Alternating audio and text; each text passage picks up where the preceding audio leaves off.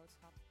Als je dit wilt delen, meer informatie wilt over onze kerk of onze ministry financieel wilt supporten, ga dan online naar cdrivers.nl.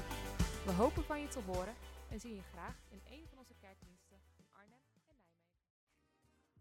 Yes, geweldig. Hey, goed jullie allemaal te zien. Ook thuis, als je kijkt waar je ook bent, of je nou eh, verder weg in Nederland eh, zit of in Arnhem. Wie houdt van Arnhem? Wie woont er in Arnhem? Judith en ik vieren een jubileum. Wij wonen inmiddels bijna tien jaar in Arnhem volgende maand. En dat is eh, de stad waar ik sinds ik het ouderlijk huis eh, verliet het langste ooit heb gewoond. Langer dan in Amsterdam. Daar heb ik 9,5 jaar gewoond. En eh, recent hebben we ruzie gekregen met de buurman. Gelukkig wonen we in een hoekhuis, dus hebben we maar één buurman. Dus dat scheelt denk ik voor onze buren.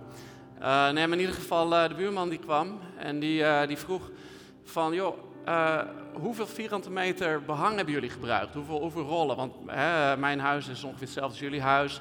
Dus hoeveel rollen behang hebben jullie gebruikt? En ik zei, nou, volgens mij hadden we...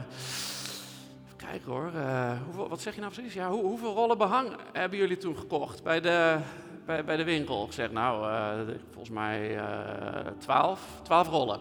Fantastisch, zegt hij. Dan hoef ik het niet allemaal uit te rekenen. Hij ging ook twaalf rollen behang eh, halen. En toen kwam die, een week later kwam die boos eh, aankloppen. Echt eh, heel erg gefrustreerd. Hij zegt, je zei twaalf rollen. Ik zeg, ja, twaalf rollen gehaald. Ik heb vijf rollen over. Ik zeg, oh, wij ook. Wij ook. Dus binnenkort maar barbecuen met hem. Hey, zullen we de band een eh, applaus geven?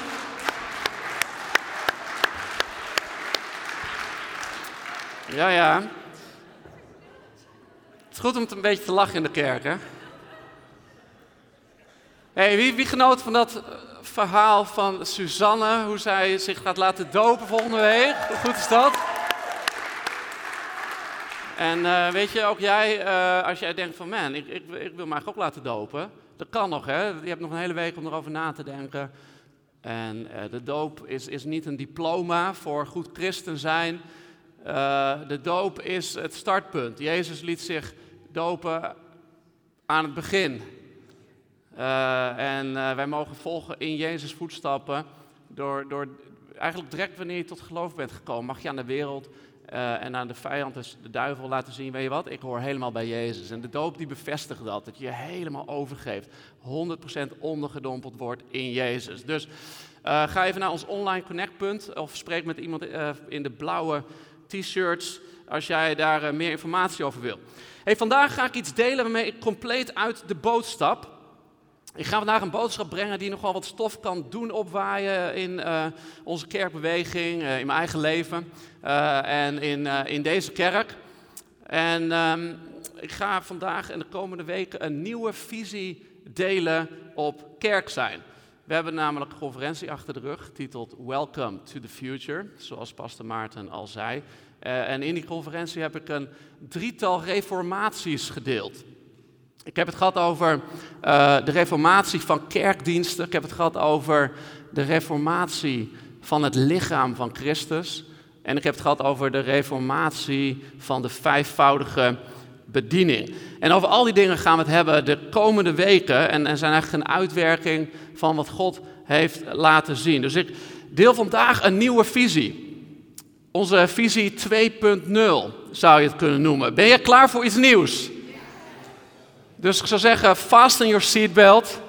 Doe je stoelriemen om, doe je stoelriemen vast. Zeg even tegen je buurman, doe je, doe je gordel om.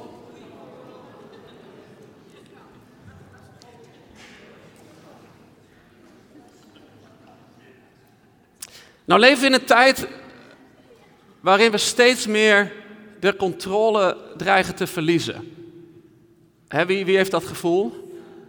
Dat we, we leven in een wereld waarin we steeds meer de controle dreigen te verliezen. Mensen, mensen zijn bang.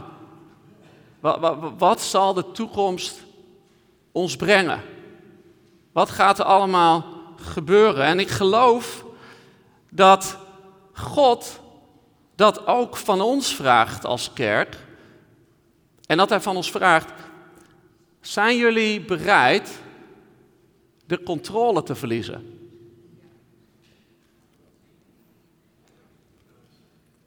Durven jullie de controle te verliezen? En, en vandaag mogen we weten dat Jezus zijn kerk bouwt. En heeft hij altijd al gedaan. En zal hij altijd al blijven doen. En vandaag heeft hij dit woord voor ons. Dus de titel van mijn boodschap vandaag is: Zie, ik ga iets nieuws verrichten. Laten we lezen. Ik heb twee, twee Bijbelteksten die ik met jullie wil uitpakken. Eén uit het Oude Testament en één uit het Nieuwe Testament. De eerste is Jesaja hoofdstuk 43. Laten we lezen vanaf vers 1. Wel nu, dit zegt de Heer. En dit is een woord voor jou hè? en dit is een woord voor ons als kerk. Dit zegt de Heer die jou schiep, Jacob, die jou vormde, Israël. Wees niet bang. Iedereen zegt, wees niet bang. Want ik zal je vrijkopen. Ik heb je bij je naam geroepen. Je bent van mij. Moet je door het water gaan, ik ben bij je. Of door rivieren, je wordt niet meegesleurd. Moet je door het vuur gaan, het zal jou niet verteren. De vlammen zullen jou niet verschroeien. Want ik, de Heer, ben je God, de Heilige van Israël, je redder. Jij bent zo kostbaar in mijn ogen, zo waardevol en ik houd zoveel van jou. Wees niet bang, want ik ben bij je. Ik haal je nakomelingen uit het oosten terug en uit het westen breng ik jullie bijeen. Tegen het noorden zeg ik, geef hier. Het zuiden gebied ik, laat los. Breng mijn zonen terug van verre, mijn dochters van de einden der aarde.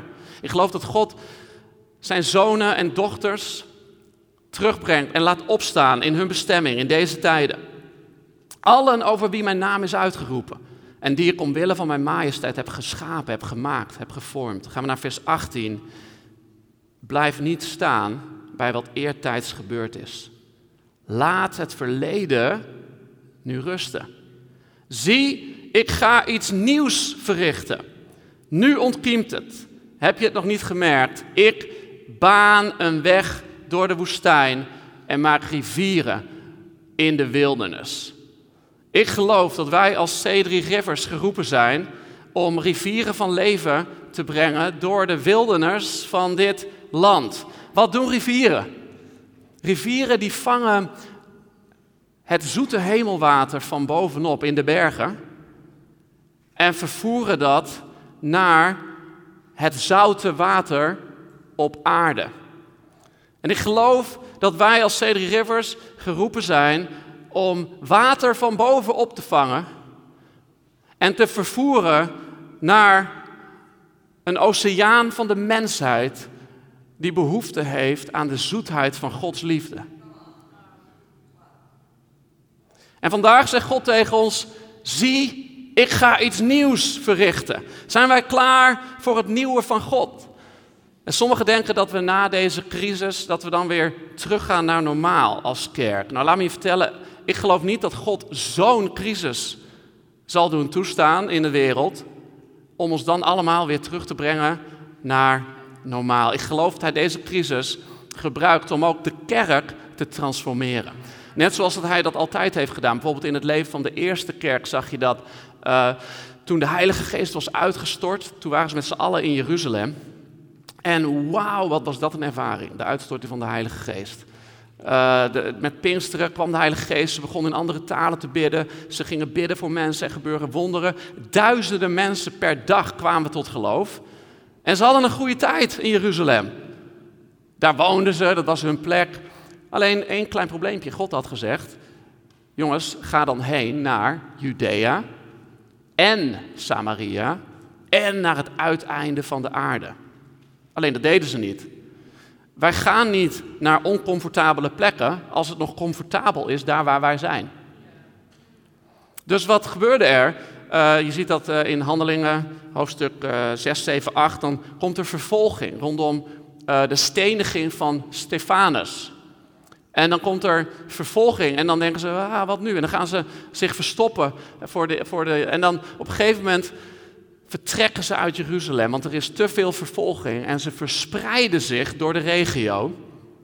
Onder druk van een crisis gebeurt Gods wil. En God gebruikt de crisis om zijn wil te doen, tot stand komen. En uiteindelijk eindigt een groep in Antiochië En van daaruit verspreiden twee mensen zich, genaamd Paulus en Barnabas, en die vertrekken naar West-Europa. En de reden dat wij hier zitten vandaag is onder andere vanwege die vervolging en die crisis die God toestond. En ik geloof dat vandaag een Antiochieën-moment is, een moment dat er een crisis is in de wereld die God gebruikt om de kerk te transformeren, om de bruid te worden die Hij altijd al wilde dat we waren. Alleen vanwege ons comfort werden we die niet. Maar nu gaan we die wel worden. Amen. En God is over de hele wereld iets nieuws aan het verrichten. Ook bij ons. En God vraagt vandaag aan ons: ben je klaar om de controle te verliezen, kerk? Ben je klaar om de kerk zoals je die kende vaarwel te zeggen? Ben je klaar om op een nieuwe manier kerk te zijn? Ben je klaar om een visie te ontvangen die je in eerste instantie niet gelooft? Ben je klaar om je denken te vernieuwen? Ben je klaar om uit de boot te stappen? Ben je klaar om het verleden te laten rusten en de toekomst te omarmen? Dus zeg even tegen je buurman, vrouw, ben je klaar? In het boek Handelingen weet uh, Petrus, een van de eerste bouwers van, van, van Gods kerk, die weet hoe de kerk eruit ziet. Ik bedoel, onder, zijn, mede onder zijn leiderschap is de kerk geboren met Pinksteren. en, en Petrus weet hoe het werkt. Hij kent het klappen van de zweep. Hij is met Jezus opgetrokken drie jaar. Hij weet het. Alleen er is een klein probleem, want Petrus die zit vast aan oude denkpatronen.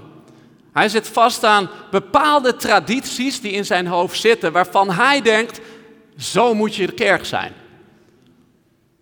En God gaat hem losweken vanuit die oude denkpatronen en vanuit die oude tradities om kerk te zijn op een hele nieuwe manier. En God moet hem een visie geven van iets nieuws om hem klaar te maken voor de toekomst die God voor de kerk heeft. En dat is het gedeelte uit het Nieuwe Testament wat ik wil lezen vandaag. En dat bevindt zich in Handelingen hoofdstuk 10 vanaf vers 9.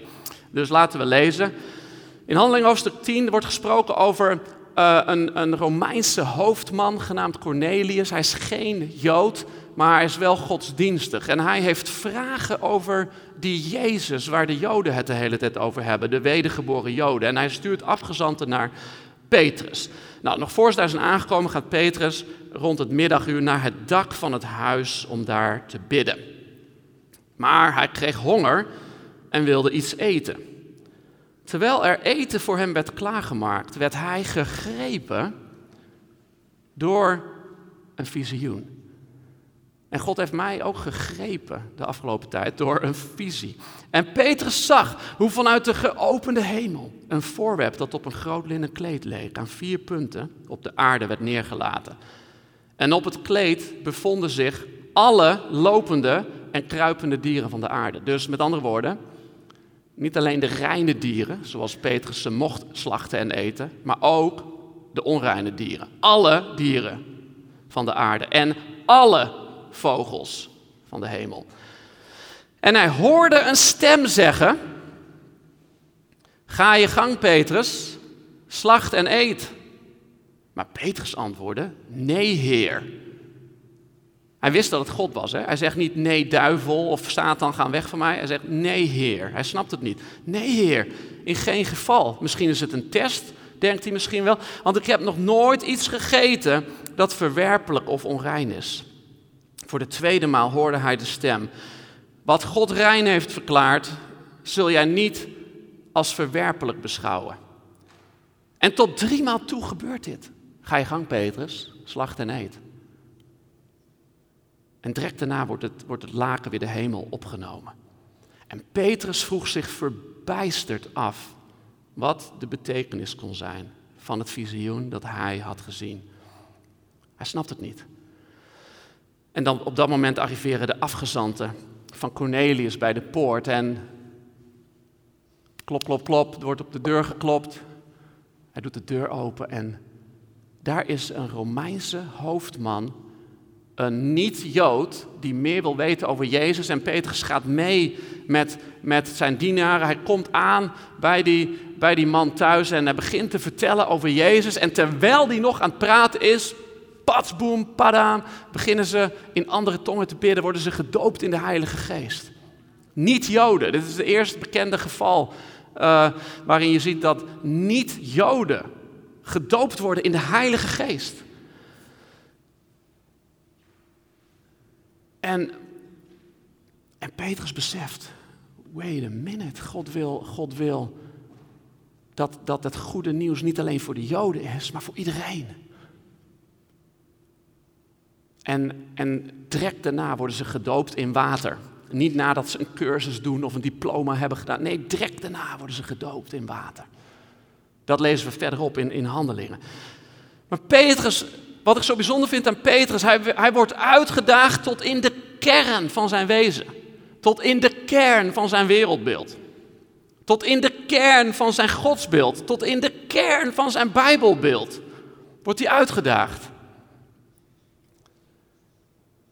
En het is niet dat, dat hij drie weken de tijd heeft om bij te komen van het visioen. Hij heeft het visioen nog niet gehad of de mensen staan voor de deur. Hoe lang hebben wij nodig om als God ons iets uitdaagt in de Bijbel, of vanuit de visie die Hij ons geeft, om mee te gaan in het nieuwe van God? God heeft mij de afgelopen weken en maanden gigantisch uitgedaagd. Hij heeft mij laten zien dat hij wil dat we op een nieuwe manier kerk gaan zijn. En die nieuwe manier ziet er heel anders uit dan wat we nu gewend zijn. En hoe ben ik daarmee omgegaan? Nou, dat hoor je in de komende tijd.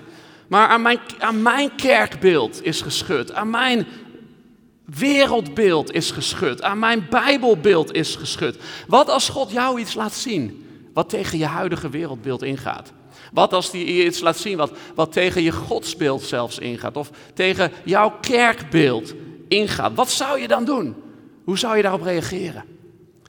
En het antwoord op die vraag bepaalt niet alleen jouw bestemming, maar bepaalt de bestemming van anderen. Zie je, dat vind ik zo bijzonder aan, aan Petrus. Petrus zijn eigen bestemming werd bepaald door hoe hij zou reageren op dat visioen. Als hij het zou afwijzen, dan had God niet verder kunnen gaan met hem. Dan was God gegaan naar de volgende. Dan hadden we dit niet, misschien niet eens in de Bijbel gelezen. Dan hadden we misschien gelezen hoe een ander persoon, uh, een Jacobus of een Filippus of wie dan ook, aan het bidden was op het dak. En hoe die, als hij het zou afwijzen, dan kon God wat dit nieuwe wat hij wilde doen, in ieder geval niet. Dus Petrus' eigen bestemming werd beïnvloed door hoe hij zou reageren. Maar niet alleen dat, want het gaat niet alleen maar om jou. En het gaat niet alleen maar om mij. Het gaat om de wereld. Het gaat om de oceaan. Het gaat om een oceaan van mensen die erop wachten tot de zoete wateren van de hemel de zoute oceanen doordrenken met nieuw leven. Weet je, jij bent geboren met een bestemming. God heeft een, een, een bestemming voor jouw leven. God heeft een bestemming voor de kerk. God heeft een bestemming voor onze kerk. En hoe wij reageren op visioenen van God heeft niet alleen invloed op onze eigen bestemming, maar ook op de bestemming van anderen. Je ziet je Cornelius als een Romeinse hoofdman. En doordat. Uh, en, en hij was op zoek naar antwoorden. Hij was op zoek naar meer over die Jezus. En doordat Petrus meeging in het nieuwe van God, daardoor werd het leven van Cornelius en zijn hele gezin en al zijn huisgenoten compleet getransformeerd. Hun bestemming werd veranderd door Petrus' gehoorzaamheid. En ik geloof dat de bestemming van Arnhem en omgeving en de bestemming van heel veel mensen in Arnhem en omgeving veranderd zal worden door hoe wij omgaan met het nieuwe van God. Weet je wat we moeten beseffen? Kijk, wat, wat God aan Petrus liet zien, dat was voor Petrus wel nieuw. Maar voor God was het niet nieuw. Het stond namelijk al lang in de Bijbel. En daar kwam hij achter toen ze erover gingen nadenken, toen ze erover gingen bidden. Dat lees je verderop in Handelingen hoofdstuk 11 en Handelingen hoofdstuk 15. Dan zegt iemand, hé, hey, wacht eens even. Hé, hey, maar dit staat al lang in het boek Amos, hè jongens in Amos staat dat God wil dat alle volken tot geloof komen. Zie je dat? Hier, hier, wordt gesproken, jongens, over niet alleen de Joden, niet alleen Israël, maar, maar ook de heidenen. Zie, het staat hier gewoon. Kijk, als God iets laat zien, dan is dat niet per se iets wat niet in de Bijbel staat. Het stond er al die tijd al in, alleen wij zagen het gewoon nog niet. God heeft mij dingen laten zien als pastor die helemaal niet nieuw zijn voor hem. Het is niet dat hij ervan omvalt. Ze staan al in de Bijbel. Ze zijn helemaal niet nieuw voor hem. De vraag is, zagen wij het al die tijd? Of hebben we altijd iets gelezen wat we niet hebben gezien? Andersom heeft God mij dingen laten zien de laatste paar weken en maanden, die wij wel doen als kerk, maar die helemaal niet in de Bijbel staan. Waarvan wij denken, maar dat, dat doe, zo hoort dat toch, zo doe je dat toch als kerk. Maar, maar, maar, maar waar staat het dan in de Bijbel?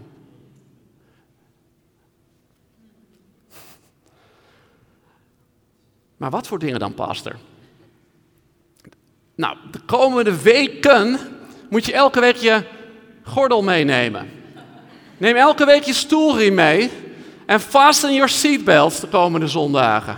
Want ik ga er natuurlijk niet alleen maar in één preek uitpakken.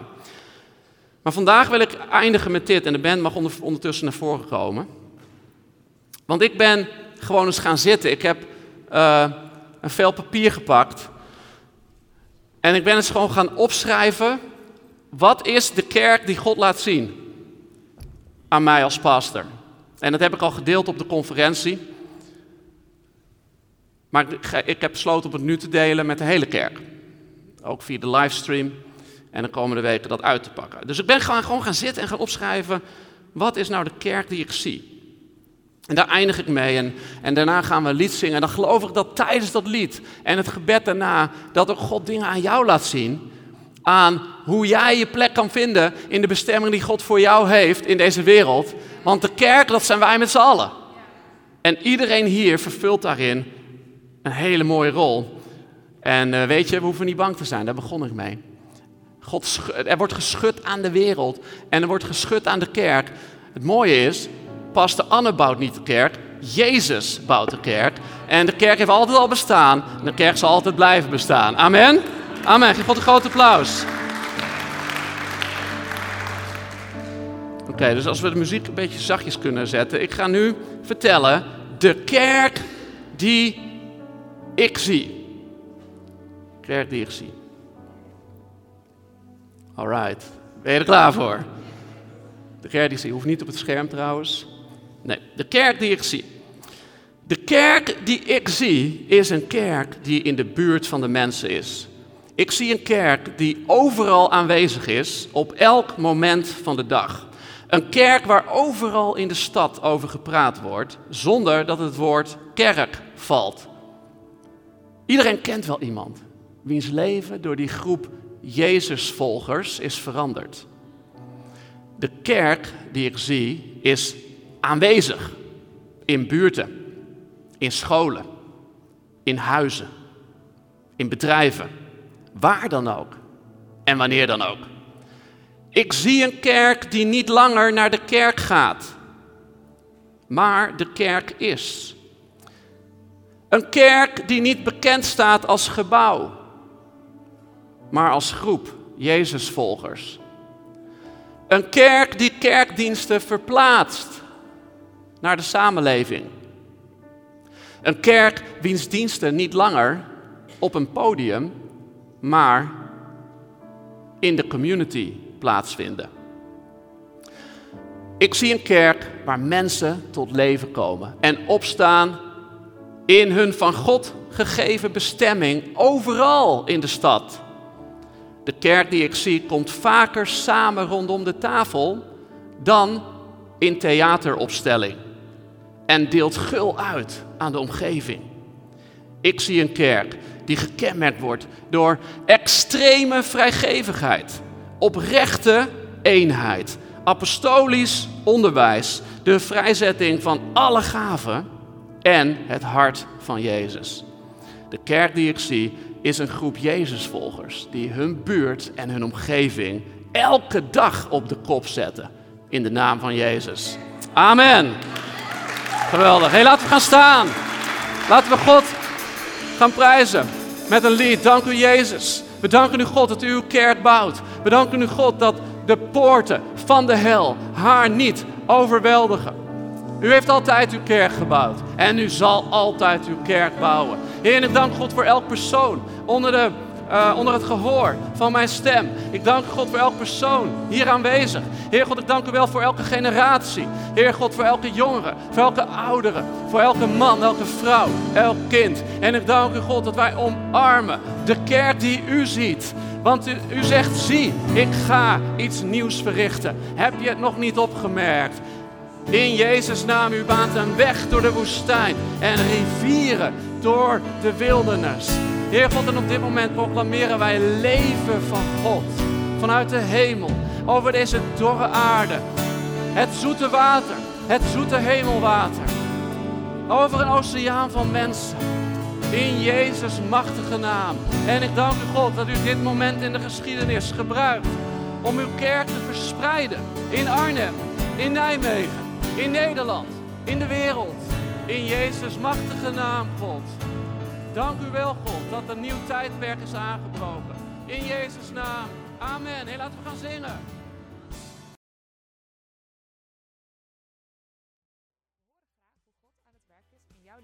door deze boodschap.